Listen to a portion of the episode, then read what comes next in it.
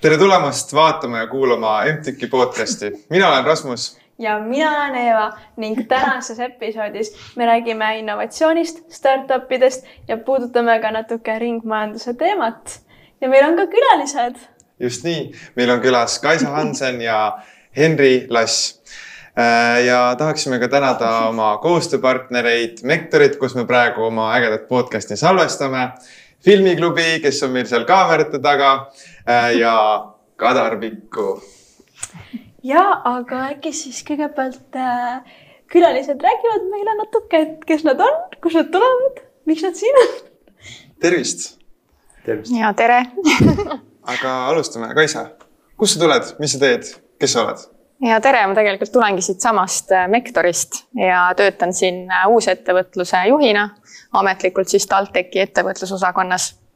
aga lisaks äh, tegelen veel äh, mõningate teemadega, näiteks äh, ringmajandusega olen ma päris pikalt tegelenud, ehk siis osalt enda startup idega seoses. et ma olen asutanud kaks startup'i ja mõlemad neist tegutsevadki ringmajanduse ja sellise roheteemadega.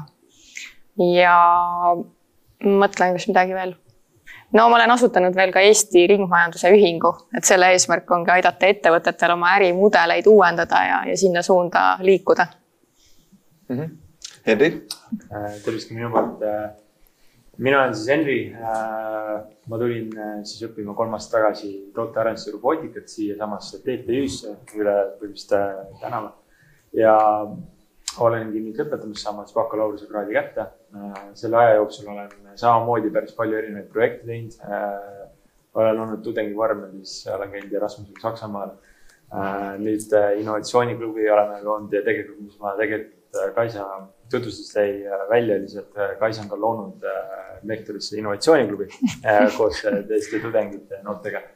et selle, selle osas on ka, mul on olnud au saada osa ja endal on ka nagu täitsa mitu, kaks ettevõtmist, et äh, millega olen siin tegelenud, et eks siis äh, sellest saab äh, lähemalt võib-olla rääkida ükskord mm. -hmm. no väga tore, aga alustamegi siis oma äh, ägedate teemadega äh,. aga et võib-olla siis, et äh, kui kuulaja ei tea, et mis see innovatsioon üldse on, et äh, mida tähendab siis innovatsioon ja mid, nagu, mis see on? Ja, et minule sellised keerulised definitsioonid ei meeldi, et mina tavaliselt mõtestan hästi lihtsalt äh, enda jaoks asju. ja innovatsiooni võikski defineerida kui millegi uutmoodi tegemist. et ükskõik, mis see on, et kas sa uuendad äh, mingit äriprotsessi, organisatsiooni kultuuri või siis oled startup ja, ja lood midagi uut, äh, mida ei ole varem loodud. et minu jaoks ongi see innovatsioon, et millegi uut, millegi uutmoodi tegemine mm. -hmm jah, no mul on väga raske siin nüüd äh, pärast sellist tarka lauset äh, midagi targemat veel peale öelda, eks ole, onju. aga, aga jah, et äh, ma nõustun ka, et innovatsioon minu silmis alati ei peagi olema alati nagu totaalselt uus, et see tavaliselt ikkagi sünnib välja mingisugusest olemasolevast probleemist. ja võib-olla isegi noh, väikene, väikene lisa mingisugusele olemasolevale lahendusele juba on piisavalt öelda, et vot see on juba innovatsioon. et mm, -hmm. et jah mm. -hmm.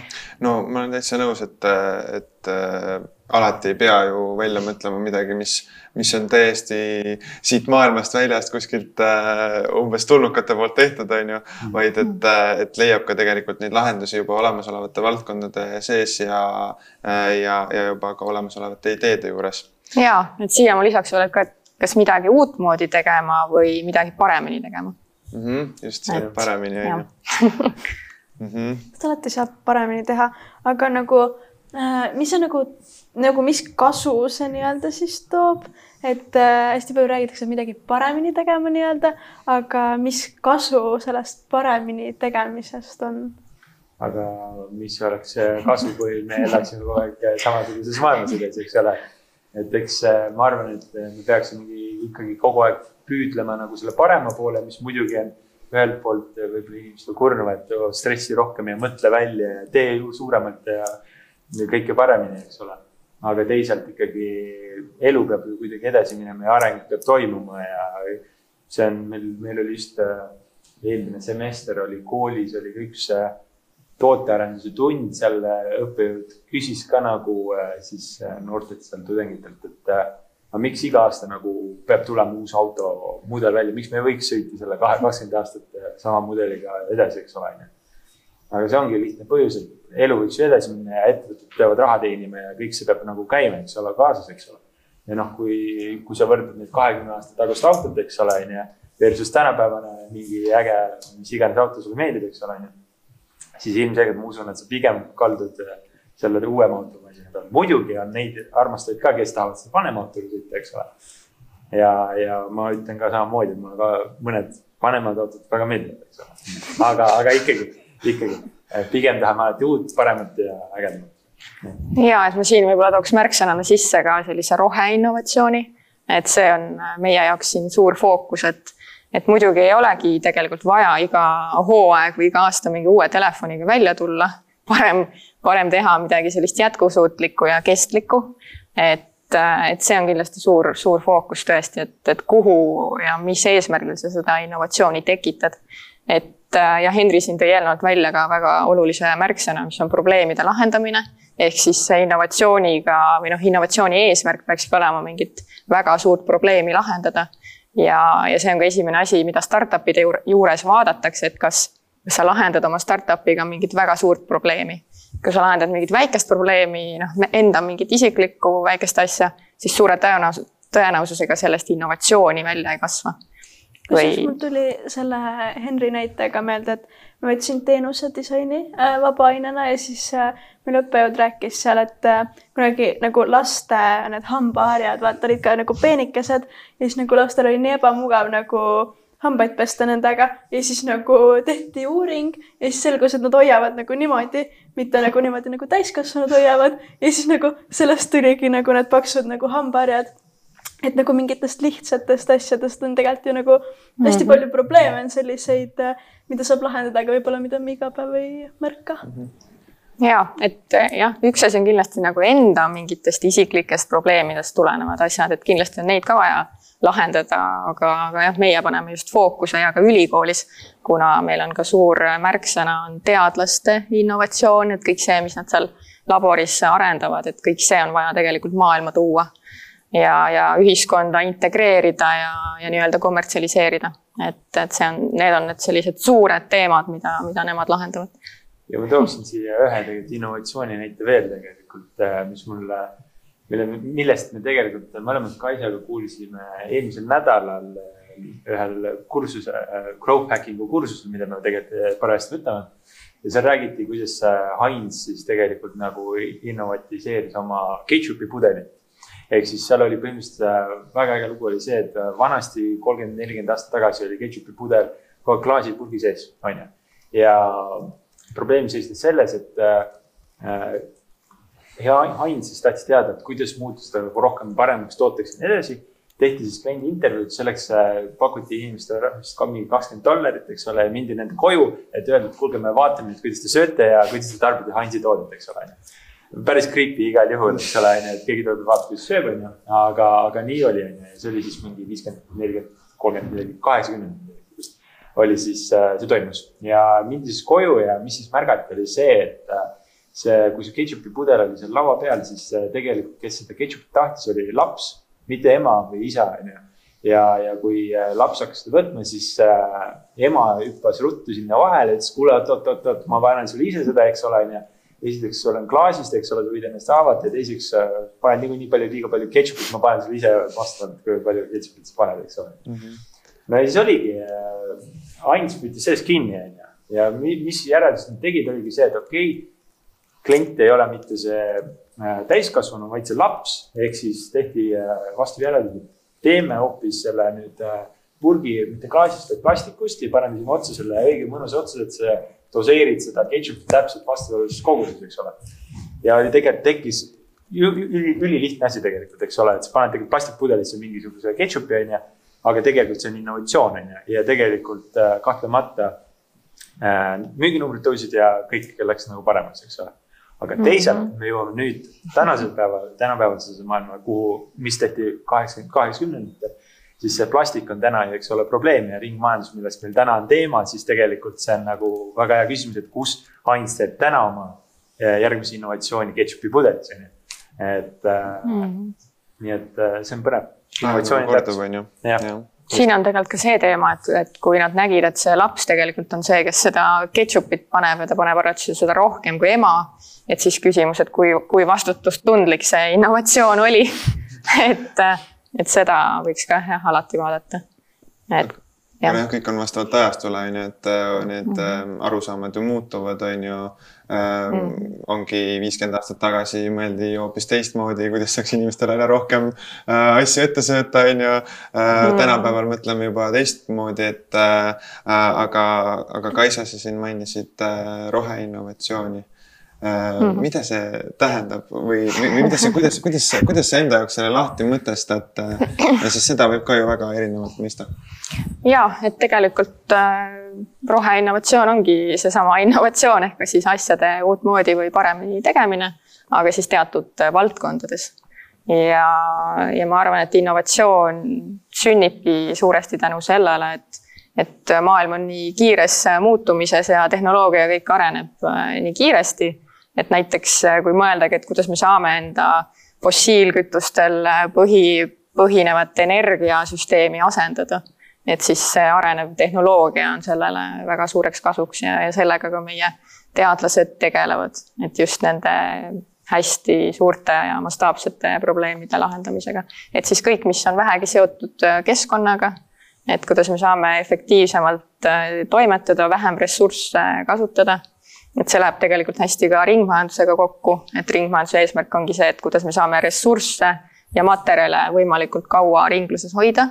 et ei oleks selline lineaarne tarbimise süsteem, et sa kaevandad mingisuguse maavara, teed sellest toote, kasutad seda võib-olla üks-kaks korda ja siis viskad selle minema, vaid et selle toote eluea lõpus, et oleks juba niimoodi disainitud, et sa saad teda kuidagi lahti võtta ja eraldada mingid äh, väärtuslikud metallid sealt näiteks näiteks telefonidel on suur potentsiaal, et, et nendega tihtipeale ei tehta väga midagi peale eluea lõppu, aga seal on päris palju väärtuslikku metalli, mida saaks sealt eraldada. ja lisaks, kui ta oleks disainitud niimoodi, et kuidagi modulaarselt näiteks ekraan läheb katki ja sa saad ise selle ekraani ära vahetada või aku ära vahetada, et see juba tõstaks selle toote eluiga. et, et need on kõik nagu märksõnad, mis, mis on ringmajandusega seotud. aga kui palju näiteks Eestis on siis seda äh, Äh, roheinnovatsiooni või siis ringmajandust. et äh, kui palju Eestis nagu väärtustatakse seda ja võib-olla siis natuke seda äh, energia ja põlevkivi teemal, et kuidas nagu mm -hmm. seda saaks Eestis paremini jah, noh, ringmajandus üldiselt Eestis on veel pigem uus termin ja uus teema, et sellega ei ole väga pikalt tegeletud.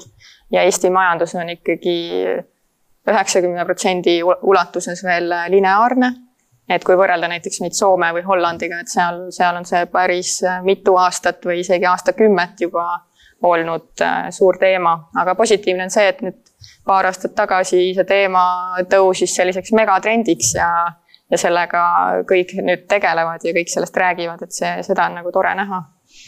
ja, aga kui sa nüüd räägid põlevkivist ja, ja sellistest teemadest, siis tegelikult on ka meil ju TalTechis olemas põlevkivi kompetentsikeskus ja seal ka teadlased äh, tegutsevad ja mõtlevad, et, äh, et kuidas neid jäätmeid näiteks väärindada. et, et tegelikult äh, põlevkivijäätmetest saab igasuguseid põnevaid materjale teha, et, et just, et ei tekiks neid tuhamägesid lihtsalt, et kuhu, kuhu seda kõike ladestatakse et selle, selle kõigega tegeletakse ja ma arvan, et on potentsiaali päris palju. ja tegelikult, kui sa küsid, et kui palju meil seda roheinnovatsiooni on, siis noh, seda on. Neid tehnoloogiaid on arendatud, et tegelikult juba saab päikseenergiaga, tuuleenergiaga põhimõtteliselt kogu energiavajaduse katta aga küsimus ongi see, et kas meil on nagu see süsteem paigas, et me saaks seda kasutama hakata. ja kas meil on nagu need juhid ja liidrid, kes selle nimel töötavad.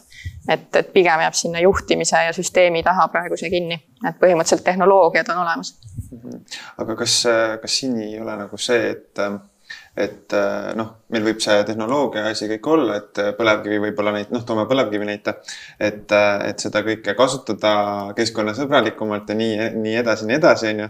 aga, aga siis tekivad ju need poliitilised pooled seal on ju, et sotsiaalsed mured on ju, kes kaotab töö ja nii edasi ja nii edasi, et, et kuidas nagu nendega sinu arvates või teie arvates peaks, nende probleemidega peaks käituma? ja no si siin on ka toodud sellist näidet, et kui, kui kunagi Henry Ford tuli välja oma autoga, et siis enne seda keegi ei arvanud, et hobuste asemel võiks mingi muu liikumisvahend olla. ja et noh, enne kui sa ei tutvusta seda uut ja paremat, noh, ma ei väida, et auto nagu parem on kui hobune, on ju, aga aga enne kui sa ei tutvusta seda uut ja toimivat süsteemi siis inimesed ei teagi, et see, et see olemas on ja et see on parem. et samamoodi ju aastate jooksul on päris palju töökohti on automatiseeritud, mingid töökohad on ära kadunud, et see ongi niisugune loomulik protsess. Ja, ja tegelikult noh, see ongi suur asi, millega peavad poliitikud tegelema, et, et kuidas need inimesed siis ümberõppe kaudu suunata uutele töökohtadele. ja mina arvan, et need uued töökohad on palju sellised inimsõbralikumad ja palju huvitavamad, kuhu, kuhu neid inimesi võiks suunata, kes praegu seal tööstuses töötavad. kui rääkida innovatsioonist ja noortest, äkki Henri tahab äh, lisada midagi, et äh, kui palju saavad nagu noored anda innovatsioonile, et äh, kui palju värskeid uusi ideid meelde või nagu tuleb juurde, et mis sa ise teed Äh, no esiteks esimesele küsimusele vastates äh, ma arvan, et noored äh, tegelikult on alati ju hea värske, värske aju justkui, kes tuleb alati tööstusesse, alati mõtleb värskelt ja ei ole sisse kujunenud mingisuguseid harjumusi. et kasvõi enda varasema kogemuse näitel, kui ma käisin praktikal, käisin ühes reklaami valgustootmisettevõttes, siis mulle väga meeldis tegelikult ettevõtte juht, kes ütleski, et mul on väga hea meel, sa oled ülikogenematu vend, eks ole, onju. aga no ta nii ei öelnud, eks ole, aga nagu, aga point oli selles, et ta sai aru, et nagu, et ma tulen ikkagi värske nagu mõtlemisega ja äkki ma suudan midagi teistmoodi teha, vaata. ja no neil seda ongi tegelikult ettevõtetel vaja, et midagi teistmoodi teha, äkki midagi nagu paremini teha. Ja, ja sest neil oli ka varasemalt äh, disaineri puhul, üks Kevin kolleeg oli, tema samamoodi nagu tegi nagu nii, nii tasemel asja, et see oli kohe viis nagu ettevõtte teisele tasemele minu, minu arusaamine järgi. et jah äh,, jah, see oli esimene vastus. teine küsimus oli, et mis ma ise teen mm. -hmm. Äh, innovatsiooni osas, ma ei tea, kui palju ma seda innovatsiooni teen äh,. tavaliselt üsna tavalised ettevõtted, esimene ettevõte, mis on kauem olnud, on juba viimased viis aastat tutvusin vana, vana tennisesõbraga ja, ja siis tema tuttavaga tegime investeerimisettevõtte, äh, mis siis investeerib Balti ja äh, USA börsile. Äh, ja siis teine ettevõte, mille ma tegelikult asutasin ise novembris, lootes kasvulõigat koroonakriisist. ma, mulle, mulle, kuna ma lõpetan siis tootearenduse robootikat, siis meil on võimalus nagu mul on hea kursusekaaslane Vladislav, kes äh, oskab suurepäraselt 3D printida, 3D modelleerida. noh, ma oskan ka, aga nagu ta oskab veel paremini, ta on super hea selles. ja no siis me otsustasime, et davai, et teeme, hakkame teodame visiire, eks ole, müüme maske ja värk-särk onju. sellest midagi ei saanud asja lõpuks onju, me saime tegelikult kõik visiirid, asjad harjunud onju. aga super hea kogemus oli ikka. Ja nüüd äh, tegelikult äh, Future Founders'i ürituselt ma leidsin ülihea sõbra nüüdseks Taavidi Äh, kellega me teeme siis e-poodi, äh, teeme internetis äh, sellesama ettevõtte all. Ja müüme siis iPhone'i neid case'e vaata, sest turg on suur, vaata. Mm -hmm.. USA-s ainuüksi on juba nelikümmend viis protsenti inimesed omavad iPhone'i ainuüksi ja ülejäänud on siis viiskümmend viis protsenti Androidid ja kõik muu, eks ole mm. -hmm. et turg on suur turg on suur ja iga aasta tuleb iPhone jälle välja, ma jälle vaatasin, äh, jälle hiljuti sain teada, oh jälle iPhone kaksteist juba. mina mõtlesin, et mingi kümme alles on ju, et, et, et aga kuidas Kaisa nagu sina sellesse suhtud, et, et kogu aeg tuleb neid uusi mudeleid peale, et kas meil tegelikult on seda vaja? Hmm. no kindlasti ei ole tegelikult vaja ja siin noh, kui sa vihjad sinna ringmajanduse teemale on ju, et siis siis tegelikult see ongi see suundumus, mida see ringmajandus toob, ongi see, et tarbida vähem ja toota kestlikemaid tooteid, mis tõesti nagu püsiksid kauem. -hmm. mina, mina küll tunnistan, et ma olen küll täiesti patuoinud siin Kaisa kõrval, et algul 3D printides plastikust välja 3D visiire, eks ole, on ju. ja, ja müües veel plastikust neid iPhone'i aga, aga kuidas, kuidas nagu, kuidas ta saaks koostööd teha või nagu kuidas äh, näiteks. saakski tegelikult mm, -hmm. tegelikult saakski tuua kohe näite tegelikult välja, et äh, tegelikult võikski ju tegelikult müüa neid uh, biodegradable iPhone case'e, mis tegelikult on Mhm. täitsa olemas Äh, ja neid äh, võiks täitsa promode, et tegelikult see oleks nagu väga kena lahend minu meelest ja tegelikult see on õige, sellepärast et tegelikult see on äh, üpris suur probleem tegelikult äh, nagu selles maailmas. Praegu tuli lihtsalt üks äriidee, innova-, innovaatiline äriidee. ja ma tahtsin just sedasama äh, nagu öelda, et tõesti, kui ta oleks kuidagi nagu biolagunev, et äh, aga noh, ta on niisugune tarbeese, et teda läheb vaja nii või naa, et tegelikult mina ka oma telefonile leidsin biolaguneva väidetavalt. Aga ta noh, väga hästi nagu toimib minu meelest. okei, et sa ütled, et see toimib hästi, aga kas nagu, kas on äh, mingeid nagu vahesid ka, et, et kus sa oled ise proovinud näiteks mingit äh, biotoodet äh, ja siis sa näed, et no ei, see absoluutselt ei tööta mm.. no üks suur äh, termin veel selle ringmajanduse kõrval on tegelikult rohepesu. et, et seda peab ka alati jälgima, et isegi kui mingi ettevõte või bränd väidab, et ta on väga roheline ja vastutustundlik, et siis tegelikult klient või tarbijana pead sa ise selle taustatöö ära tegema ja siis otsustama, et kas see ikka on või ei ole. Et üks suur teema, millega ka alguses paljud nii-öelda orki läksid, on kogu see äh, kor-, ühekordsete nõude teema, et tulid ju välja, et see on nagu mingist biolagunevast materjalist, aga kui sa uurid, et siis tegelikult esiteks lõpuni ta ikkagi ei lagune, teiseks ta vajab niisugust spetsiaalset keskkonda, et üldse laguneda. Eestis ei ole niisugust keskkonda, ei ole isegi kogu, kogumissüsteemi, et põhimõtteliselt sa viskad ikkagi olme prügisse see ja see on ühekordne toode.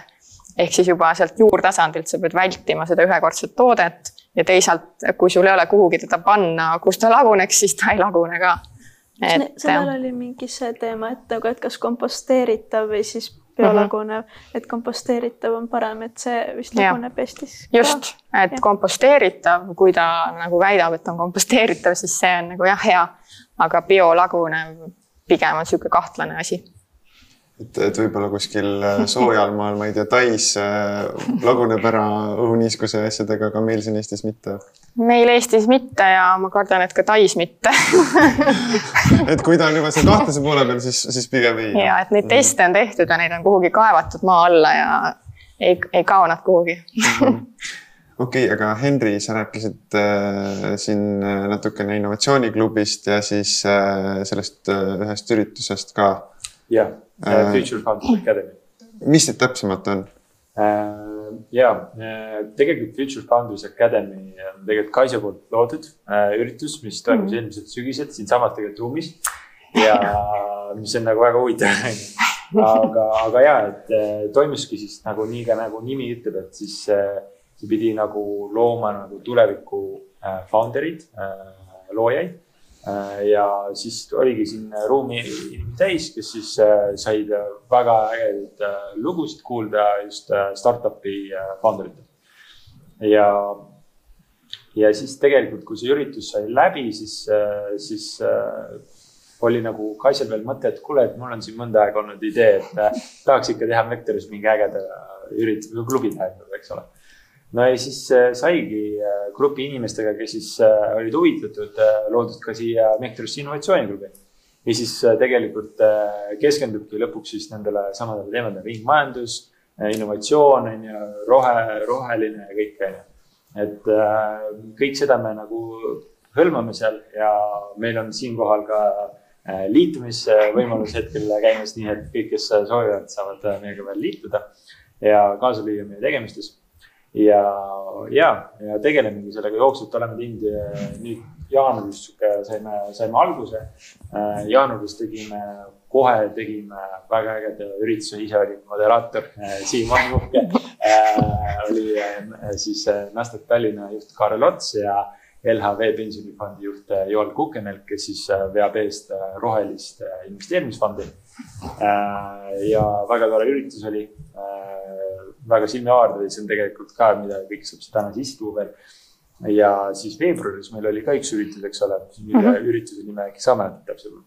oligi ringmajandus ja kuidas ettevõtted saaksid juba täna mingeid muudatusi teha. just ja, ja, ja siis ja nüüd ongi võimalus liituda teistele inimestele ka, et teha, et jah Mm -hmm. aga mis see liikmeks olemine siis nagu täpselt kujutab endast, et kas nagu liikmena saad äh, neid üritusi korraldada, et kas sa saad ise kuskil osaleda, et mis võimalusi see innovatsiooniklubi annab kusjuures ma just kirjutasin ühe inimesega sel nädalal samamoodi, sest mult küsiti ka nagu eraldi, et äh, mis asi see innovatsiooniklubi on ja kes sa seal liikmena oled.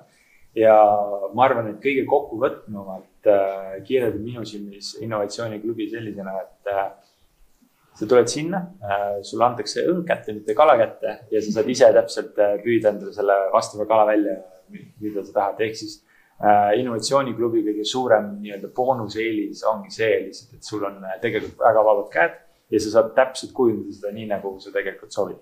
peab lihtsalt olema tahet tegemist ja, ja, ja aega ja mm, -hmm. ja kui seda on, siis ma usun, et äh, tulevad ülivinged üritused asjad, mis iganes. aga kas äh, nagu on mingi kindel vanus, et kas peab äh, TalTechis õppima või võib ükskõik kes liituda äh, sellega? see on ka samamoodi üks äh, boonus või eelis või äh, väga vägev asi meie puhul, et äh, meie ei ole nagu loonud sisse mingit nõuet, et see peabki nüüd olema ainult äh, TTÜ-st ja umbes äh, peab olema Tallinnas, et tegelikult äh, meil on tulnud äh, kandidaat Saaremaalt, Tartust Äh, ma tean, et Tallinna Ülikoolist oli, eks ole, on ju. Mm. et, äh, et jah, et selles suhtes äh, kõik on oodatud, kõik, kes on huvitatud, võtame hea meelega vastu, ainult proovime, proovime ja, ja tegelikult, kui te küsite, et mis selle innovatsiooniklubi eesmärk justkui on, eks ole, on ju, mm. siis see eesmärk ongi tegelikult justkui ka samamoodi luua nagu neid tuleviku tuleviku inimesi, kes siis viivad seda innovatsiooni, rohelist elu ja majandust edasi, eks ole, midagi, et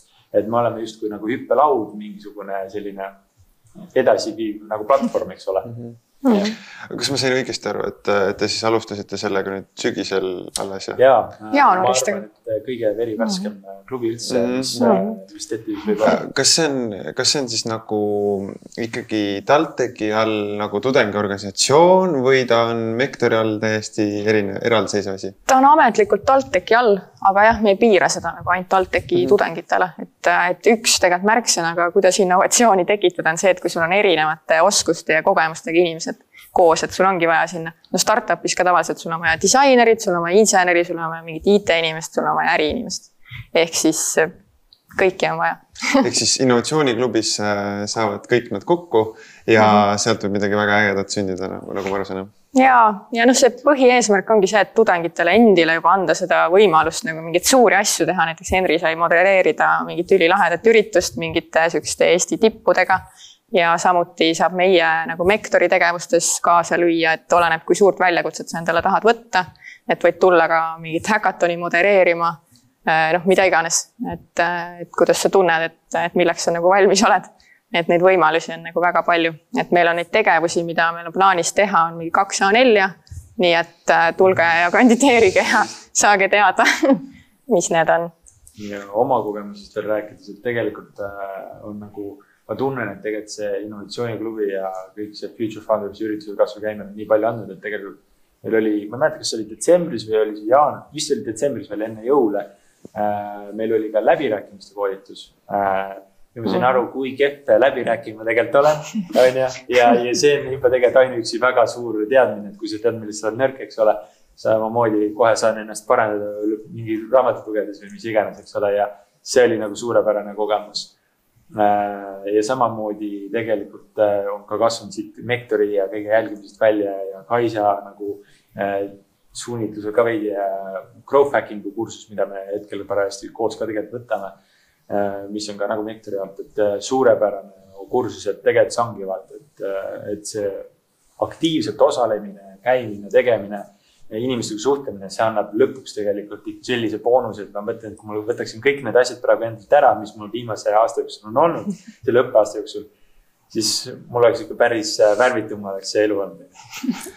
ja sellega ma olen ka nõus, et, et aktiivne peab olema ja kui sa ise ei tee, siis, siis need asjad ei tule ka sinuni mm.. aga mina sain küll endale nüüd ühe, ühe asja, ühe mõtte jälle juurde, nii et äh, pärast räägime edasi okay. pärast täidad ankeedi ära. pärast täidan ankeedi ära, jah. jah ühe võib-olla võtmesõnana ütles ka selle võrgustiku, et üks asi on jah, et kui sa oled tudengiklubis ja suhtled nagu teiste tudengitega, aga meil on siin võimalus ka igasuguste investorite ja sihukeste noh, ekspertide ja sihukeste suurte nagu tegijatega suhelda et, et see on ka suur boonus. nii et plaanid on suured, see on, see on äge.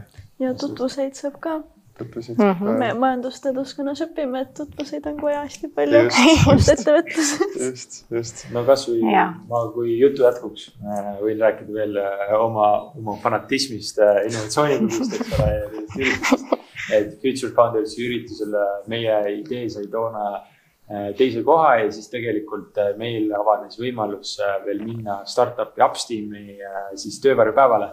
Ja siis me saime veeta tegelikult äh, koos oma tiimikaaslastega äh, koos siis äh, Upsteami CEO-ga ja noh, absoluutselt jälle mingisugune kogemus, arusaam, kuidas mingid asjad käivad, et mida iga päev ei saa, et ja jälle üks kontakt juures samamoodi me saime, tutvusime ka teiste founder itega seal, nii et ja kõik on nagu olemas, et, et kui soovi on, siis ma usun, et saame alati kontakti. väga äge. Aga kui me juba startup'i poole liikusime, siis äh, äh, ühendame nüüd need kaks teemat äh,. ja meil on siin selline küsimus, et äh, kuidas äh, üldse äh, innovatsiooniga, noh, enne natukene rääkisime, kuidas, kuidas me innovatsiooni äh, siis äh, startup idesse sisse toome. Ja, ja kui tähtis äh, on see, et ma mõtleksin nüüd täna midagi täiesti uut välja äh, või, või pigem on see, et, et, et ma midagi teen nüüd paremaks. Jah, ma ütleksin seda jällegi, et kõige olulisem selle startup'i ja innovatsiooni juures on see, et sa ikkagi lahendaksid mingit probleemi. Ja kas see probleem on esiteks piisaval arvul inimestel, kas, kas sul on nagu turg ehk siis see tähendab, kas sul on turg, kuhu minna, et sellest saab kõik alguse. et kui sul ei ole nagu piisavalt suurt probleemi, et sa teed mingit sihukest nice to have asja et siis kaugele jõuad, siin on ka selline termin, et kas sinu lahendus on vitamiin või valuvaigisti. et noh, muidugi ei, ei välista, et vitamiin võib ka väga edukas olla, aga kui sa oled valuvaigisti, siis on sul su palju suurem potentsiaal äh, kliente leida ja, ja laieneda ja lennata. et, et selles mõttes jah, kõik saab sealt alguse. Aga kui nüüd rääkida sellest, et kas alati peab midagi täitsa uut äh, välja mõtlema, võib või võib ka tuua mingi hästi toimiva süsteemi lihtsalt uuele turule et siis kindlasti on ka see võimalik, et Eestis äh, võikski tuua kaks näidet, on Bolt ja Upsteam et, et nemad on tegelikult ju, nad ei tee nagu midagi üliinnovaatilist, et äh, nad lihtsalt on toonud selle mudeli, mis toimib hästi. tean, et Upsteam sai inspiratsiooni USA-st, kui nad käisid seal raamatuid müümas. Et äh, nad vaatasid, et aga miks Eestis ei ole, et toome siis Eestisse ka. et miks mitte, väga edukad ju ja väga hästi läheb neil. ja samamoodi Bolt, neile ju öeldi ka alguses hästi paljud investorid ütlesid neile ära, et Uber on ees, et mis asja te siin üritate, ei ole mõtet. et selles mõttes ka alati, kui sa teed startup'i ja kui sul on konkurendid, siis tegelikult see ei tähenda, et see on halb. see pigem tähendab, et, et on potentsiaali turul, et keegi juba tegutseb, järelikult on potentsiaali.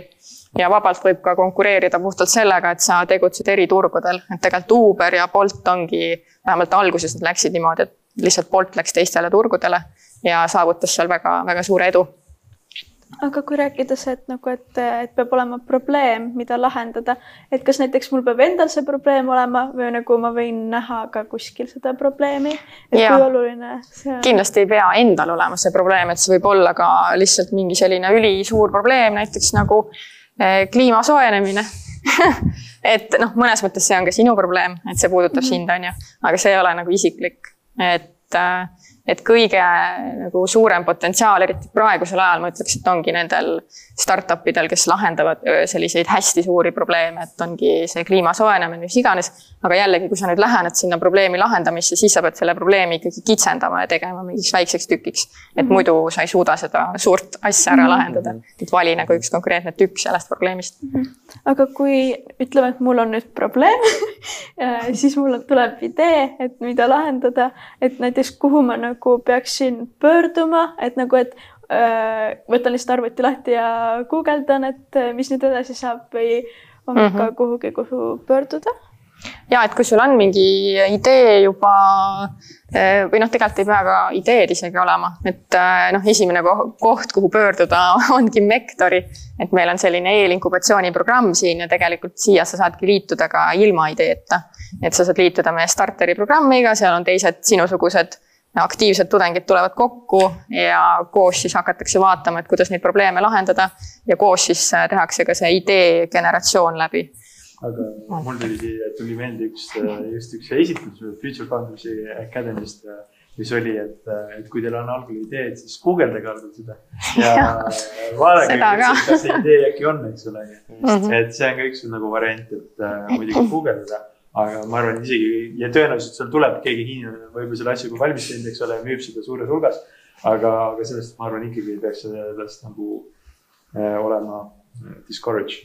ja, ja kindlasti, et tasub guugeldada ja noh, just selles faasis, kui sul on enda arust juba mingi miljoni dollari idee, et siis äh, mine ja guugelda ja vaata, mis teised teevad.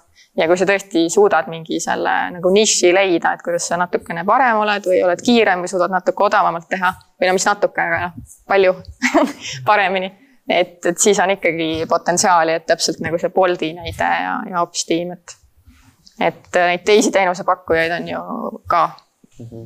ma korra tulen selle starteri ürituse juurde veel tagasi, et äh, ma ise osalesin nüüd sügisel seal ja, ja just oligi nagu väga hea selline, et sa äh, noh, et sulle anti seal need, kellel olid ideed olemas, on ju, siis noh, minul enda ideed ei olnud.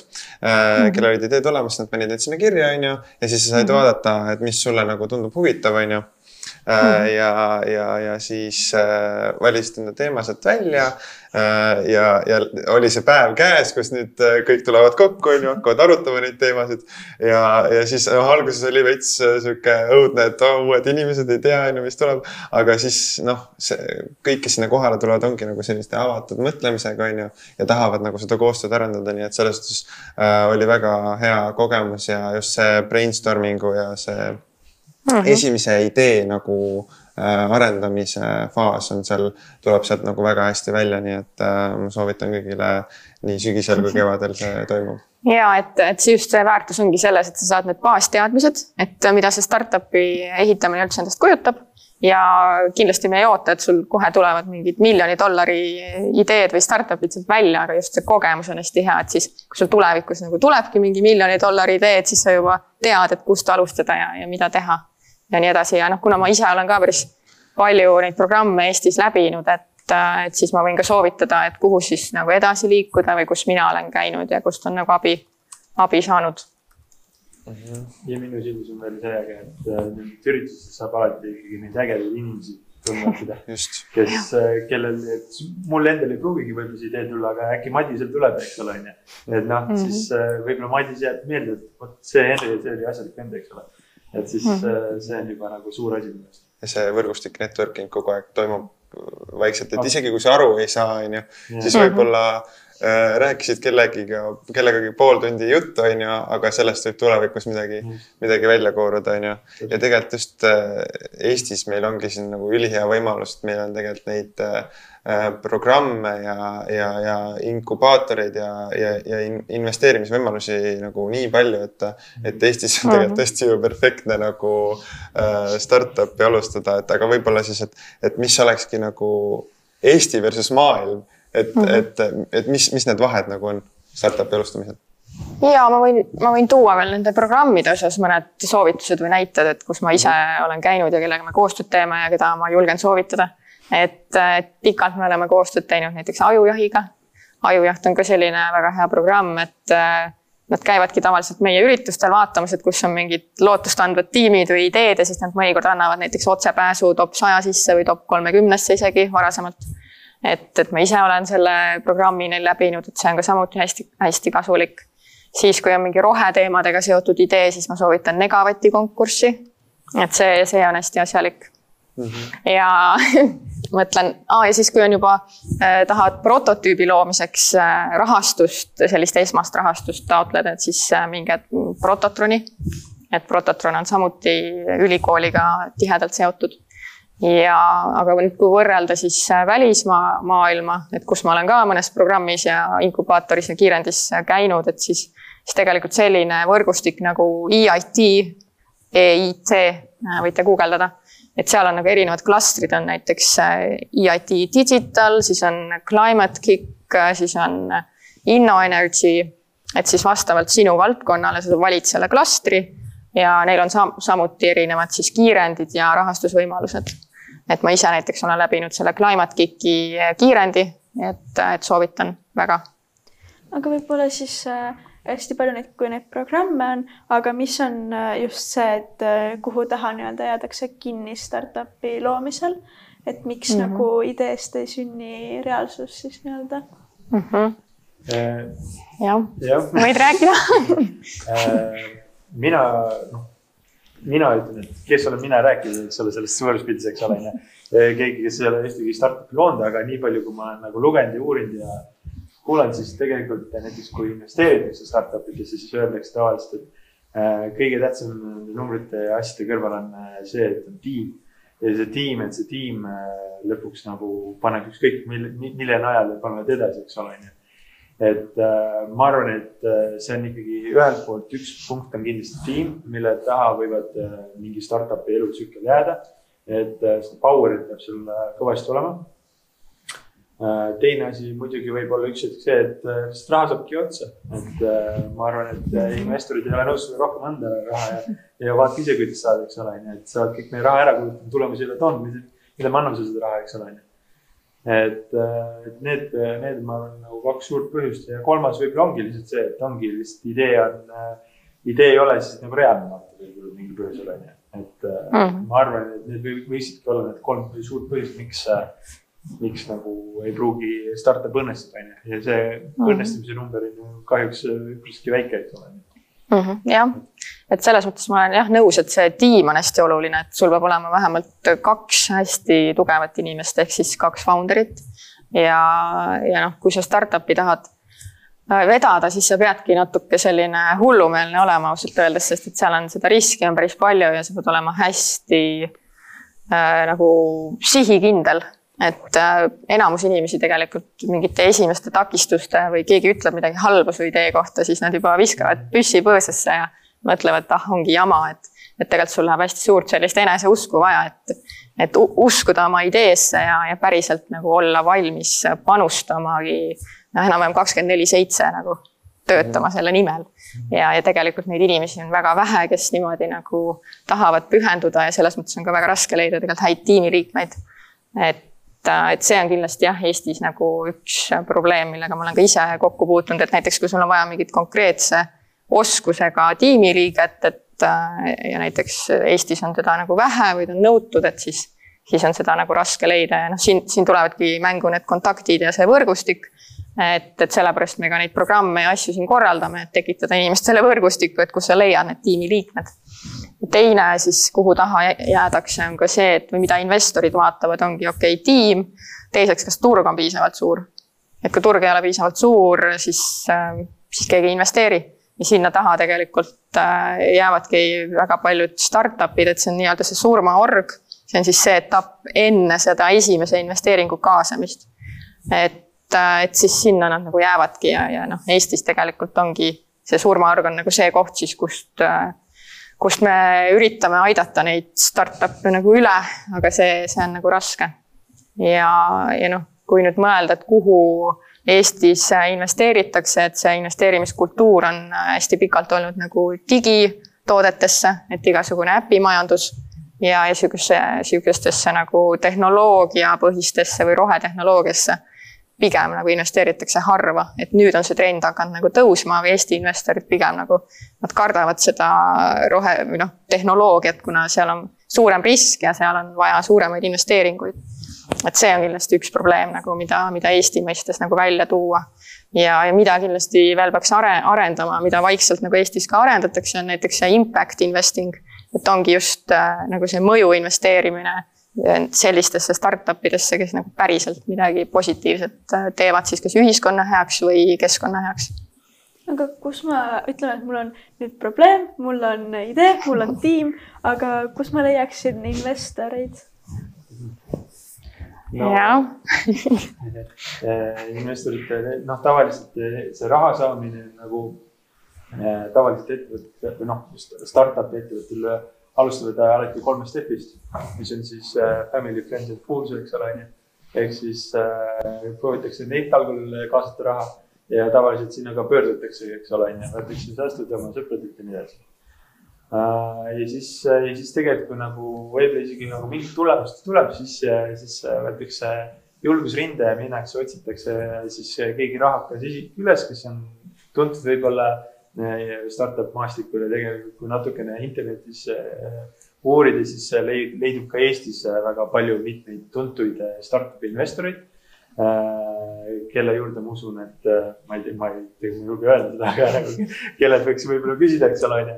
aga, aga jah, et siis nemad, eks ole, ja lõpuks siis tegelikult on venture capital'id, kes ongi nagu eraldi ettevõtted, kes siis investeerivad siis põhimõtteliselt startup idesse, eks ole, onju, et, et selles mm. mõttes valikuid on mitmeid aga fakt on see, et neid on väga raske saada, et mm -hmm. meil siin Future Founders üritusel Äh, käis, rääkis mitmed, mitmed founder'id käisid ja ega siis nad ei rääkinud, et ainult Eesti, eks ole, sest nad rääkisidki, et Poola investorid, äh, siis olid seal Vene investorid, äh, Eesti investorid ja no nii edasi, nii edasi, Saksa investorid ja siis kõikidel oli nagu huvitav oli see, et iga, iga nagu rahvuse taha tuli ka mingisugune iseloomustus. Et millised nad on ja, ja mingisugused skeemitajad, kes on skeemitajad ja kes teevad nii ja kes naa. et selles mõttes isegi kui minna nende investorite juurde siis jälle tulla network'i juurde tagasi.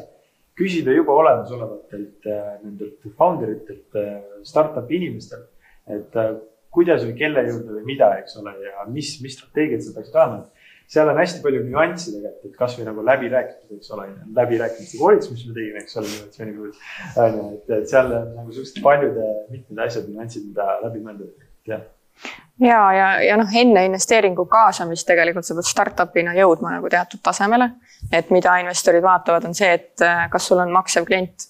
See on nagu selline kvaliteedimärgis ja noh, on võimalik ka idee tasandilt kaasata, aga pigem nagu harva. siis sul peab tõesti mingi, sul peab olema mingi superstaar founder näiteks tiimis, kes on varasemalt juba mingi ükssarviku enam-vähem loonud aga tavaliselt idee baasilt on pigem nagu raske, et sul peab olema, olemagi, kui sul ei ole nagu maksev klient, siis vähemalt nagu tõesta ära, et sul on mingid potentsiaalsed kliendid ja nendega on mingid lepingud sõlmitud. ja, ja alles siis sa saad vaadata sinna investorite poole. Ja jah, nagu Henri tõi siin väga häid äh, näpunäiteid, et et tõesti alguses sa pead proovima ikkagi ise kuidagi hakkama saama, et noh, ongi, et tiim põhimõtteliselt ja sina asutajana teed tasuta tööd Äh, seni, kuni sa leiad selle in investeeringu. Ja, ja lõpuks siis jah, et tegelikult ka kiirenditest on võimalik esimest rahastust taotleda. ja tihtipeale kiirendi tingimused on sinule algusjärgus palju nagu paremad isegi kohati, kui kohe kuhugile investori juurde minna, et muidugi oleneb nagu investoritest ja nii. et, et pigem jah, vaadata alguses need kiirendid äh, läbi ja siis, äh, siis võib juba minna sinna inglite juurde, äriinglite juurde. aga mis need kiirendid on ja mis on äriinglid ja, no kiirendi või see, kuidas see nagu süsteem käib, ongi põhimõtteliselt niimoodi, et alguses sa võiksid tulla siis meie Mektori sinna starteri eelinkubaatorisse. siis, äh, kui sa selle edukalt lõpetad, siis, äh, siis sa võid minna näiteks Tehnopoli inkubaatorisse edasi ehk siis liigud eelinkubaatorist inkubaatorisse ja seal põhimõtteliselt siis valmistatakse sind nagu ette. on erinevad koolitused, et äh, meie puhul siis saad sellise abc, et kuidas üldse ideed genereerida, kuidas tiimitööd äh, efektiivselt teha, äh, natukene turundusest, finantsidest ja juriidikast. ja, ja siis Tehnopolis siis on näiteks siuksed koolitused, sul on seal võtmementor, kes sind aitab ja, ja sealt järgmine samm ongi siis kiirendi.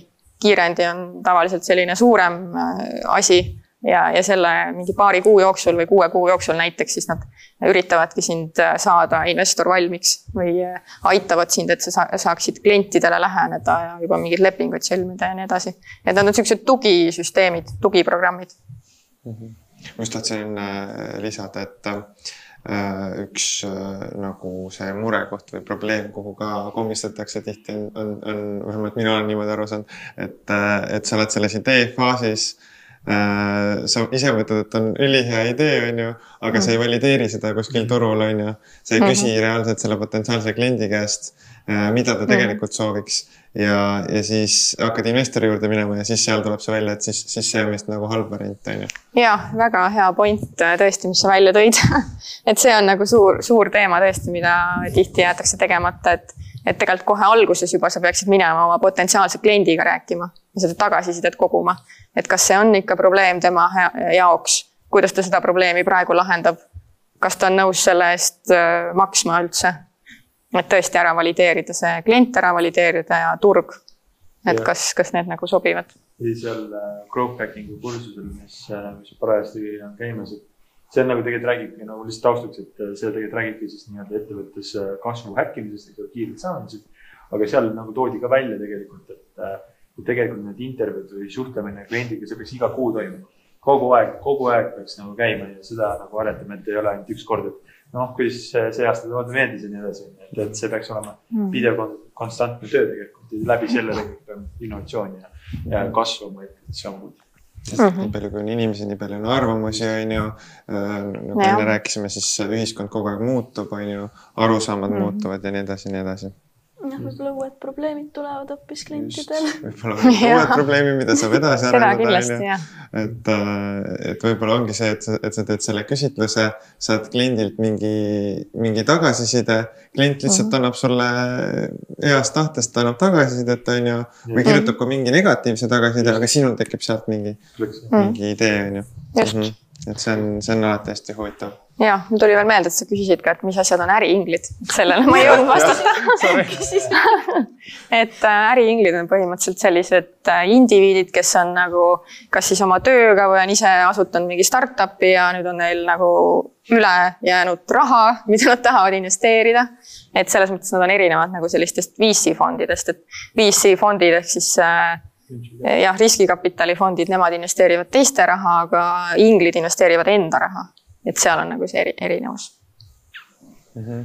aga kui äh, palju näiteks need äriinglid on siis näiteks nagu just äh, mingi rohe innovatsiooni ideedesse nagu kas nad on väga nagu tahavad äh, investeerida sinna või pigem on nagu skeptilised või oleneb nagu inimesest pigem? oleneb inimesest. Äh, Eestis kindlasti äh, mõned sellised inimesed leiduvad ja ma arvan, et see trend nagu järjest liigub ülespoole, et, et järjest rohkem hakatakse sinna investeerima. aga noh, praegu Eestis ja paar aastat tagasi võib-olla pigem, pigem oli seda vähe. aga, aga noh, samas on olemas ka alati teised riigid, kuhu vaadata, et Soomes on näiteks mõju investeerimine juba päris pikalt äh, olnud ja eks siis Eesti äh, investorid peavadki veits kiiremini kaasa tulema selle trendiga, sest muidu need startup'id lihtsalt lähevadki kaasavad Soome investoritelt või USA-st või noh, kust iganes. et kus on see nagu mõttemall juba liikunud ja saadakse aru, et mis see tulevikutrend on mm. -hmm üleüldiselt äh, rääkides ka, et tegelikult üldse see rohelises investeerimine, see kõik, see nagu on väga kõrges kasvutrendis ja see, seda nimetataksegi selle ESG all, mille ürituse ma tegelikult tegin, mis ongi siis environmental, social and governance. Äh, et siis need suunitlus, keskkond, sotsiaal ja nagu juhtkond siis, ühiskond, et mm nendesse osadesse siis investeerida.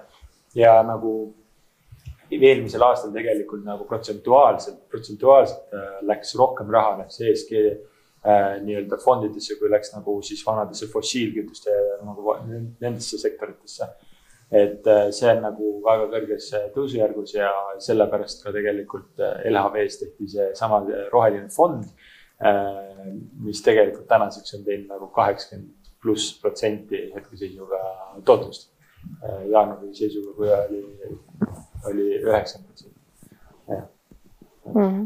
et see trend on kasvav ja üha rohkem inimesi hakkab roheliselt mõtlema ja roheliselt investeerima ja seal on ka paremad tootlused tegelikult äh, oodata tulevikus perspektiivis, sest et ettevõtted tegelikult saavad sellest, äh, selle läbi palju rohkem kasu kui kahju. et võib-olla, võib-olla arvata, mingid regulatsioonid ja asjad, mis piiravad, aga tegelikult see, tegelikult see aitab ettevõtet kaasa ja samamoodi tegelikult äh, rahast, raha saades ettevõtetele täna räägitakse ikkagi seda, et ka pankades hakatakse piirama seda raha väljaandmist nagu nendele ettevõtetele, kes ei ole nii-öelda rohelised ja nagu sotsiaalselt vastutustundlikud mm. -hmm.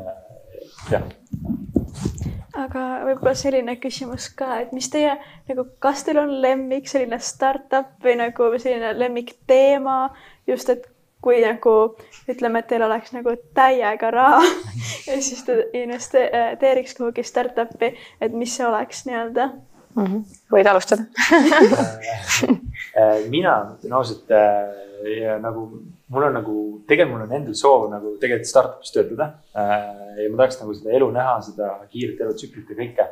aga siin on üks suur probleem. probleem on, seisneb selles, et kuna mina olen inseneriks õppinud, mitte mingisuguseks äh, programmeerijaks, siis on see probleem, et enamus äh, täna on äh, see Taxify ja Transferwise ja kõik on siuksed digitaalsed asjad, mida sa kuskil arvutis teed, eks ole. Ja mingit sihukest füüsilist inseneri, tootearendus, robootika asja nagu ei ole, vaata ja siis mina mõtlengi, et no kurja, ma ei saagi nagu nüüd äh, kuhugi nagu väga minna peale äh, ettevõtte Skeletoni, mis on nagu Skeleton Technology, mis pakub mulle nagu väga huvi, eks ole, väga äge. et äh, selliseid, selliseid ettevõtteid võiks nagu olla rohkem, kes siis nagu teevad füüsiliselt mingi asja valmis ja siis teevad mingeid ägedaid innovatsioone, sest et Skeleton nagu selle kõrval on nagu mega äge nagu asi, mis teebki siis noh, superkondensaatoril on ju, keegi praegu, mis asja on ju. aga nagu. hakkasin guugeldama aga, aga põhimõtteliselt jah, et, et nad muudavad ikkagi tegelikult oma, noh, lühidalt öeldes nad muudavad transporti palju nagu efektiivsemaks. Nad talletavad energiat, näiteks kui sa pidurdad autoga, eks ole, nad vabastavad selle energia vastavalt siis, kui sa vajutad gaasi ja kõik muutub palju sujuvamalt, et et see on nagu innovatsioon ja tegelikult nad on ka nagu maailma tasemel kõige tipus, et äh, minu meelest vist kuskil äkki vist oligi niimoodi, et äh, keegi vist näitas, et nad, nemad on siin ja järgmine konkurent on umbes siin, eks ole, et nad ei ole nagu väga kannul, et nad on nagu üliees, eks ole. ja nemad teevad ka seda rohepööret, et, äh, et jah, et selliseid füüsilise tootega startup'e mina isiklikult tahaks veel näha. üks tegelikult on veel äge, mis tegelikult Future Founders Academy'st räägiti, oli Voola Äh, ma arvan, et paljud ei ole hetkel sellest veel kuulnud, aga ma usun, et äh, peagi hakkavad kõik rohkem inimesed kuulma sellest, sellepärast et äh, probleem seisneb selles, et äh, see founder siis oli tegelikult äh, Omniva töötajaga rääkinud ja selgus, et äh, nende kõige suuremaks vaenlaseks nagu seal, mis need on, need liin, liinidel, kus kõik pakid tulevad sisse ja liiguvad, eks ole, on kile see pakendkile, et see mm. tekitab nagu ilgelt suurt kogust massi ja probleeme nagu seal kogu tootmises. ja siis tegelikult äh, nüüd kiirelt äh, lõpuni tulles äh, on see, et äh, nad tegid siis lambavillast pakendi äh,. sest et üheksakümmend protsenti lambavillast tegelikult läheb raisku ja siis nad tegelikult võtavad selle raisku läinud äh, lambavilla ja sellest nad toodavad tegelikult lõpuks valmis äh, pakendi mis siis äh, sobib, et äh, selles mõttes suurepärane idee. ringmajandus tegelikult üheksa, muidu oleks läinud, ma ei tea, kuhu prügikasti või ma ei tea, kuidas nad käitlevad seda. et ja nad lõid sellest midagi väga ägedat, eks ole, ja mis on tegelikult on ju igatepidi super. et uh -huh. sihuke väga äge idee. Nad olid Negavatil vist või, ka või, ei või? Mm, Negavatil nad vist ei olnud, aga mm. Negavatil oli see aasta väga palju ettevõtteid, kes olid Voolast inspiratsiooni saanud ja lambaviljast äh, ürit-, üritavad midagi teha, et selles mõttes väga lahe mm. -hmm aga ma oleks jah, omalt poolt ka noh, teemat kindlasti teate, on ju, mis valdkond mind huvitab et seda ma ei hakka ütlema, noh. aga ma oleks ka toonud Voola välja, et just nagu nendest uue, uuematest startup idest, et et Anna-Liisa käis meil jah, siin inspiratsioonilugu rääkimas ja minu arust see oli ikka väga lahe ja inspireeriv, et et sealt tuligi see välja, et see ei ole nii, et, et sul tuleb idee ja siis sa lähed ja lendad ja, ja oledki mingi ükssarvik, vaid enne seda ma ei mäleta, mitu ettevõtet või startup'id oli üritanud asutada mingi kümme vist vähemalt, et alustades juba oma mingi õpilasfirmadega ja siis, siis seal vaikselt nagu fail, fail ides nii-öelda et kindlasti tuleb ka sellest aru saada, et see ongi see teekond, et sa ei, suure tõenäosusega su esimene ettevõte või startup ei olegi kohe mingi ükssarvik, aga sa peadki selle tee läbi käima, siis sa arened ja siis, ja siis nagu tuleb see õige hetk nagu, nagu Voola puhul. et, et see on jah, hästi lahe, täiesti nagu ringmajanduse ärimudel, et nad võtavad mingi jääkmaterjali ja väärindavad seda äh, siis nagu kümneid või veel rohkem kordi et siis selle asemel, et seda jääkmaterjali lihtsalt minema visata, tegelikult seda potentsiaali on veel Eestis palju, et, et noh, pilliroogu saab ka ju tegelikult väärindada, saepuru saab väärindada, mis iganes. et mõelge, mõelge välja, mis need jääkmaterjalid on ja hakake väärindama ja, ongi startup teil olemas ma kunagi nägin äh, ühte Galileo osa ja seal räägiti ka ringmajandusest vist selles võtmes, et, et need ära visatud riided, mis on olnud mm, -hmm. et tehakse neist nii-öelda, töödeldakse ümber, tehakse hästi peenikeseks see materjal, on ju. ja, ja siis nagu saab põhimõtteliselt sellest jälle uusi riideid teha, et põhimõtteliselt sajaprotsendiline nagu taaskasutus. et mm. kas see on nagu võimalik päriselt või? kas see oli Eestis või äh,? ei, see Galileo on, on, on Saksamaa saade, aga, aga noh, nad teevad üle maailma, on ju, et lihtsalt no midagi sellist ma olen kuulnud, aga, aga selle tekstiili nagu jää, jäägiga ongi see probleem, et kui, kui riided on nagu erinevatest materjalidest kokku pandud, näiteks polüester ja puuvill, et siis on teda juba noh, praeguste tehnoloogiatega vähemalt suhteliselt võimatu nagu kuidagi eraldada või siis nagu midagi tast teha. sellist uut materjali just. aga kui on näiteks sada protsenti puuvill või sada protsenti siis mingi muu materjal, et siis, siis temaga saab teha. Et kõige suurem probleem ongi need segumaterjalid mm, -hmm. segutekstiilid mm. -hmm mulle, mulle riietest rääkides, mul tuli jälle meelde üks äh, Future Founders'i äh, koht, eks ole, kus siis äh,, ma, ma, sina mäletad hästi, oli vist Hollandis oli see isik, kes tegi äh, kohvipaksust äh,, tegi ah, jalanõusid. jah ja see on nagu hästi äge, nii et, et, et see noh, samamoodi jälle asi, mis sa tegelikult ära viskad iga hommik, eks ole ja, ja või noh, võib-olla iga õhtu, ma ei tea, kes millal kohvi joob, eks ole, onju. aga muidugi jah, et äh, teeb sellist siis äh, väga ägedat äh, lahendust, eks ole. ja siukseid lahedaid lahendusi on tõesti päris mitmeid, noh, nad ei ole küll nagu laialt veel levinud või nagu suurel skaalal, aga aga isegi mingid tuntud spordibrändid, ma ei hakka nüüd ütlema, et mitte neile promo teha, aga, aga isegi nemad nagu juba teevad ja proovivad seal mingit ananassist tehtud kunstnahka, vegan-nahka siis on ju kuidagi rakendada. või siis samamoodi, et kohvi paksust, et tal on need omadused, et ta suudab nagu mingit lõhna tekkimist nagu vältida või, või kuidagi, et siis sellest saab neid sisetaldu teha või, või mis iganes, et neid võimalusi on hästi palju, nii et ma ütleks, et kes nagu õpib äh, mingit füüsikat, keemiat, materjaliteadlust, et, et seal on ka hästi-hästi palju potentsiaali. et kui sa tead nagu neid põhitõdesid kuidas mingid asjad toimivad ja mingid ained reageerivad, et siis äh, seal on nagu päris palju potentsiaali innovatsiooniks mm. -hmm.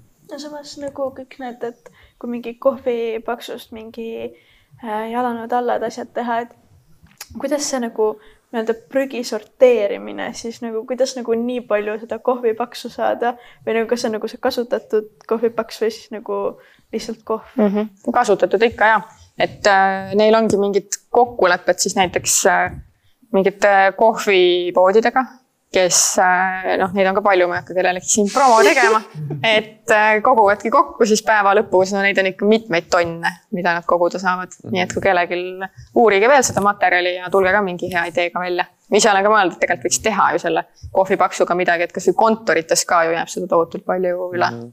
minu arust üldse võiks olla nagu ähm, noh nüüd on juba paremaks olukord läinud, et me sorteerime ka kodudes endal äh, prügi, on ju, et, et, äh, et noh, võib-olla bio eraldi ja, ja siis nagu muud olmejäätmed, see, see on nagu see esimene step, on ju. aga mm., aga minu arust nagu väga äge oleks, kui, kui keegi mõtleks välja mingi lahenduse, mingi lihtsa lahenduse, võib-olla juba on olemas mm. -hmm. Correct me if I m wrong, aga mm, -hmm. aga et oleks niisugune kodune lahendus, mis sorteerib sulle kõik asjad õigesse kohta ära aa, et sa paned nagu ühte kasti ja siis ta ise kuidagi langetab ja, sinna ja, näiteks, või, või, või näiteks, et, sul on, et sul on äh, jah, sihuke kast on ju, siis seal on mingi sihuke triipkoodi lugeja, sa piiksutad sinna selle piimapaki sisse ja siis ta ise sõidab sinna pakendiosakonda näiteks või? see, see on tõesti suur nagu teema, millega võiks tegeleda, et ma tean, paar startup'i Eestis ka proovivad midagi teha et mingeid andureid kuidagi prügikasti panna ja siis äh, ma ei tea, mõõta, et kui täis mhm. see on, aga, aga tõesti see sorteerimine tegelikult noh, mingid asjad ikkagi on, mida sa alati mõtled, et kuhu see nüüd läheb. siis sa pead mhm. minema ja guugeldama, et kus ma nüüd selle korgi panen või. et, et tõesti võiks mingi selline süsteem olla. aga võib-olla alguses võib üldse nagu, et mitte prügi tekitada nagu hästi vähe.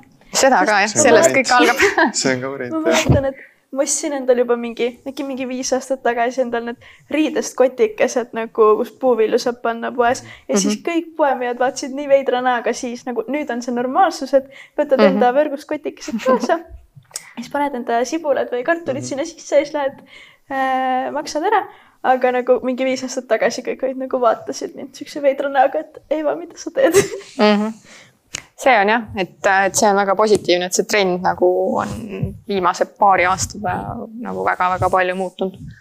jah, ja üldse poodides ka kilekotid äh, nüüd okei okay,, nüüd ma tänavat, mis ma asja juurde sain, et, et biolagunev võib-olla alati ei olegi nii õige, on ju, et kuidas mm. näiteks nende, nende poekottidega on, et mis, mis väidetavalt on biolagunevad. kas ma võin nüüd selle niimoodi, et ma panen sinna mingi banaanikoore sisse ja jätan ta sinna keset metsa ja nüüd ta laguneb siis ära? see on jah, selline saja miljoni dollari küsimus jälle et siin tuleb ka see teema, mida on palju nagu uuritud, et kumb siis on ikkagi etteaim, et kas see paberkott või kilekott või hoopis riidest kott. et kui, kui sa hakkad nagu mõõtma selle toote jalajälge või seda tootmisprotsessi jalajälge, et siis muidugi kohati võib-olla on nagu üks siin teistest nagu palju mahukama jalajäljega, et siin siis sõltubki sellest, et kui pikalt sa kasutad seda toodet.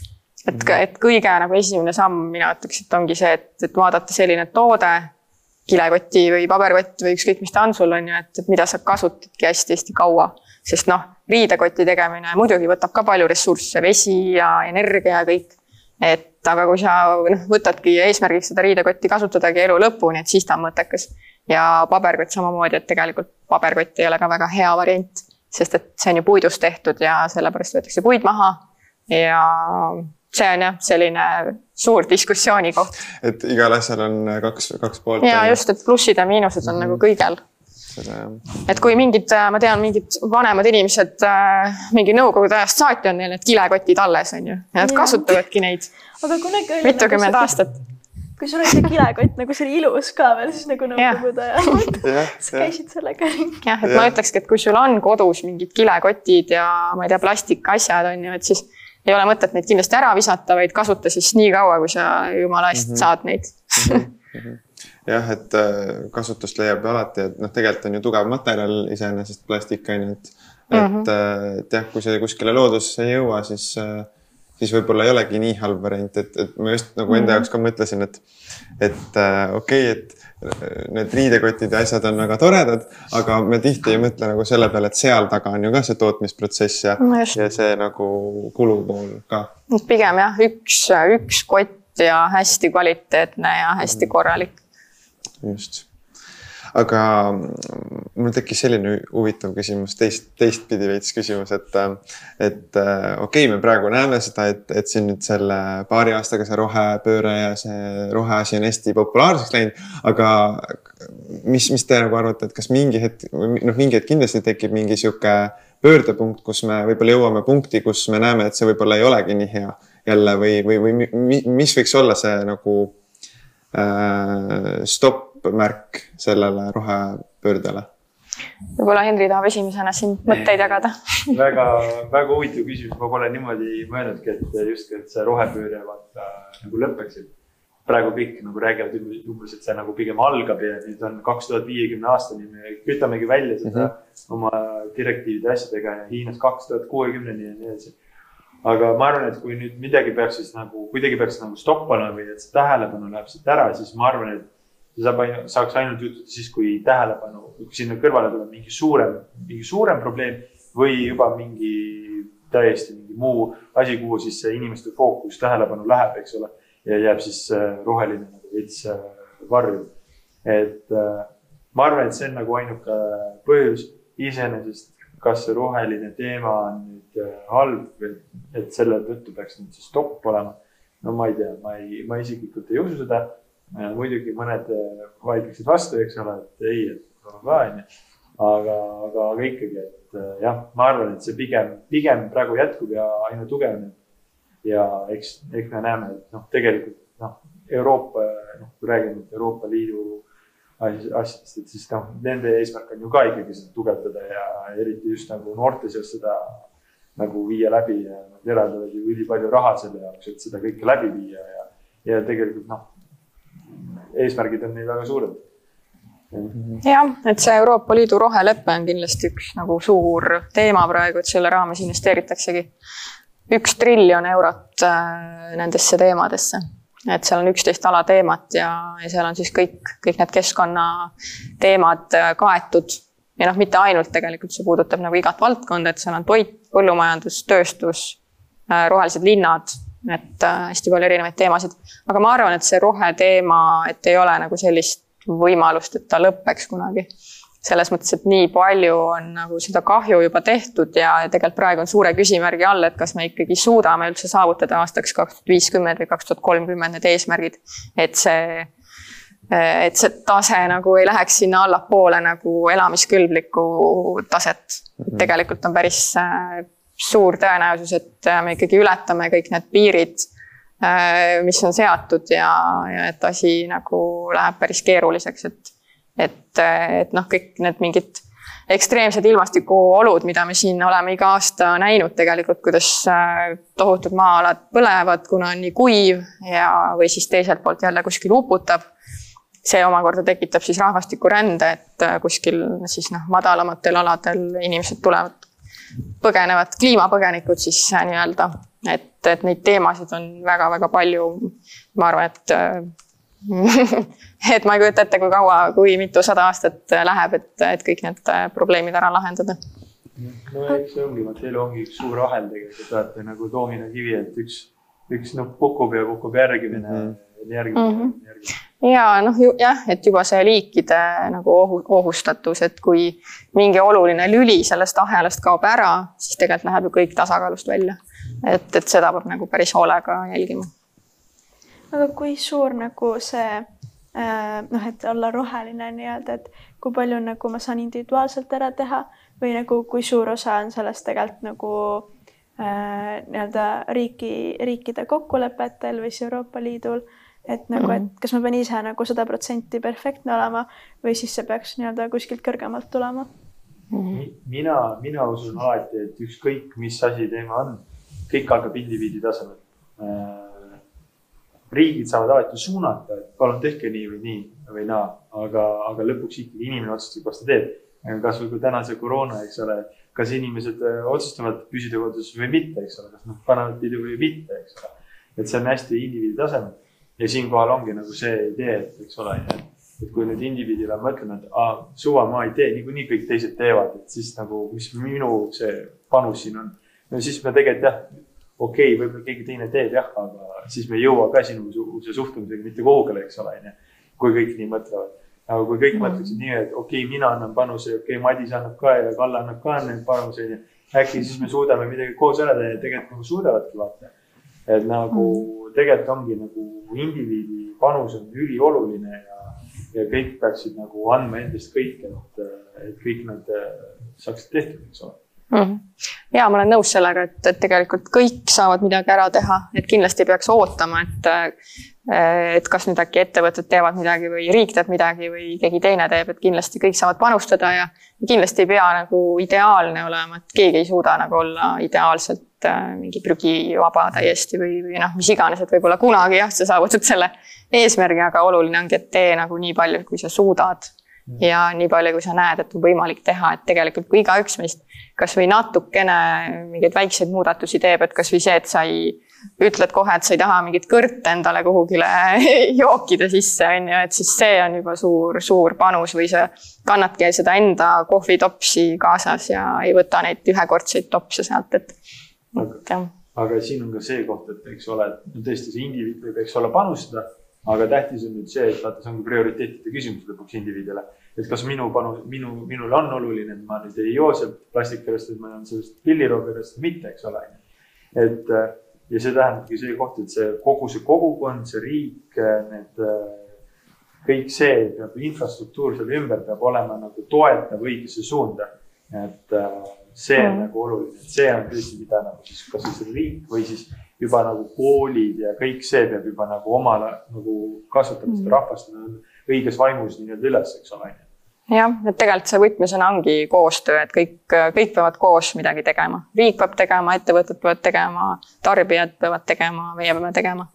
et äh, ja, ja tegelikult hea näide ka sellest, et kuidas ikkagi tarbija saab mõjutada ka suuri ettevõtteid. näiteks Terega meil oligi seal ringmajanduse seminaril äh, selline lugu oli neil, et, et tarbijad ise neile kirjutasid, et, et miks te panete neid lusikaid sinna plastkaane alla või noh, miks üldse seda plastkaant seal sinna vaja on, et kuidas nagu toota sihukest keskkonnasõbralikumat pakendit ja nad võtsid seda kohe kuulda ja nad eemaldasid need plastlusrikkad sealt.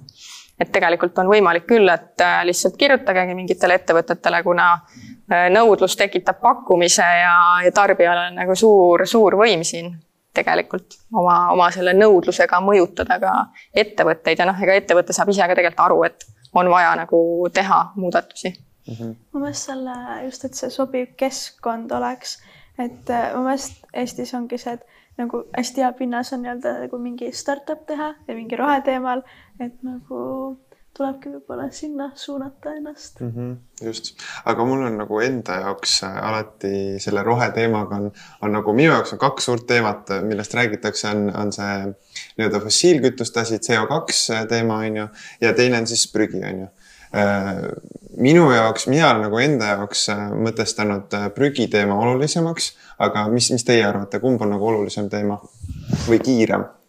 Jah, no oleneb, kelle, kelle vaatenurgast sa seda vaatad, et mm, -hmm. et kui me nüüd vaatame neid mingeid prügikvoote ja, ja asju ja mingi suur risk, mis meil siin oli eelmine aasta, et me saame mingi megatrahvi kaela, kuna me ei ole saavutanud seda prügi sorteerimise eesmärki. et siis kindlasti on ka see suur, suur eesmärk. et noh, kui vaadata nagu riigi tasandil. aga kindlasti on ka see energia to tootmine väga-väga oluline. et ma neid protsente praegu ei oska välja tuua, et kumb on nagu hullem, et, et võimalik, et jah, ma ei hakkagi võrdlema, mõlemad on olulised mm. -hmm. et jah, mis sina arvad? ma jah, ma see muidu kuniks sa lõpetasid oma küsimuse ära, siis ma kogu aeg mõtlesin, et nad mõlemad on olulised, eks ole. aga sa lõpetasid oma küsimuse, et kumb on kiirem, on ju, et nagu kiirem probleem, et noh, vot seda nüüd ma tõesti samamoodi, et tsiteeriks Kasit, et oleneb, kelle, kelle silme läbi vaadata, eks ole. et äh, nii ja naa jah, et aga jah, seal suures pildis ikkagi ma ütleks, et mõlemad on väga olulised ja muidugi lisaks nendele teemadele on veel olulisi teemasid seal mm. -hmm väga hea poliitiliselt korrektse, korrektsed vastused no,. aga, aga ongi tegelikult keeruline teema ju, et, et ja. me ei teagi ju võib-olla seda viiekümne aasta pärast, et mis see nüüd siis oli see õige ja siis vaatame mm, -hmm. et mhm. ai, oleks pidanud seda tegema, aga ei teinud ja noh mm, -hmm. läkski pekki. no kõik on tagantjärgi targad nagu. ja kõik on tagantjärgi targad, aga ma mõtlen, et, et aga kui me nüüd peakski jõudma nagu ühiskonnani sinna, et, et lähebki kõik täiesti pekki ja, ja, ja ongi mingi tormid ja põlemised ja, ja, ja loomad surevad ja, või see hakkab juba meid mõjutama, et, et, et, et või kas me üldse jõuame sellise punktini või, või, või, või kus on see nagu tagasipööramise variant? no esiteks kõik see toimub juba, kõik see tegelikult juba toimub. teiseks suures pildis üks mõte veel, et ma lugesin hiljuti Netflixi ühte, ühe mingi kõrgema töötaja artiklit ja ta ütles ka, et tegelikult päeva lõpuks mitte keegi ei tea. mitte keegi ei tea, kus me lähme, mis homme on, äh, mis on õige ja nii edasi, eks ole. et noh, selles mõttes keegi arvab, mingid juhid, liidrid arvavad, et see on õige tee ja lähme seda teed pidi. Äh, ja noh, me peame lootma, et see on õige tee.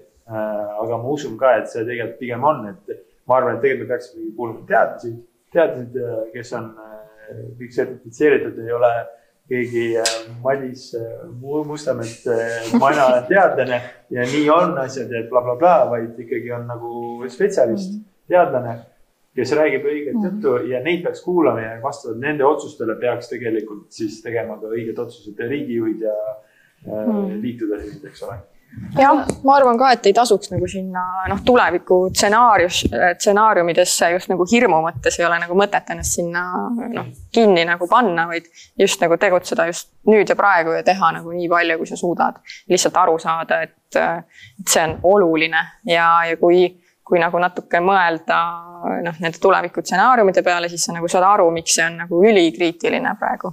aga kindlasti mitte jah, seda hirmu nagu endasse kuidagi jätta sisse, pigem ikka nagu tegutseda. julgelt ikka edasi, julgelt ikka edasi mm. -hmm aga väga huvitavad teemad on meil olnud siin äh, äh,. natukene pinnapealselt saime, saime kõiki teemasid äh, käsitleda, et eks need teemad ongi nii suured ja, ja kõiki, kõiki võib-olla lõpuni ei jõuagi. aga meil on ka Instagrami tulnud mõned küsimused nii et kes ei ole veel follow nud, siis äh, TalTech MTÜK minge Instasse follow'ge, saate meie käest küsimusi küsida enne episoode äh,. siis äh, võib-olla see on pigem Henrile suunatud, et mida tahaksid innovatsiooniklubiga kindlasti ette võtta või korda saata? Mhm. no mul on kahjuks äh,, ma tahaks täiega rohkem võtta, sest et äh, nii nagu ma oma fanatismiga enne rääkisin, eks ole, onju, siis äh, on seal palju võimalusi Äh, aga meil oli siin äh, vahepeal läbirääkimised äh, Admiral Marketsiga ja me rääkisime siin investeerimise teemadel. et, et mina isiklikult olen nagu rohkem investeerimise maailmast nagu huvitatud juba väga noorest peale, siis ma arvan, et ma tahaks seda võib-olla põim-, põimida sisse. et ehk jõuab siin seda juunis teha, võib-olla mai lõpp.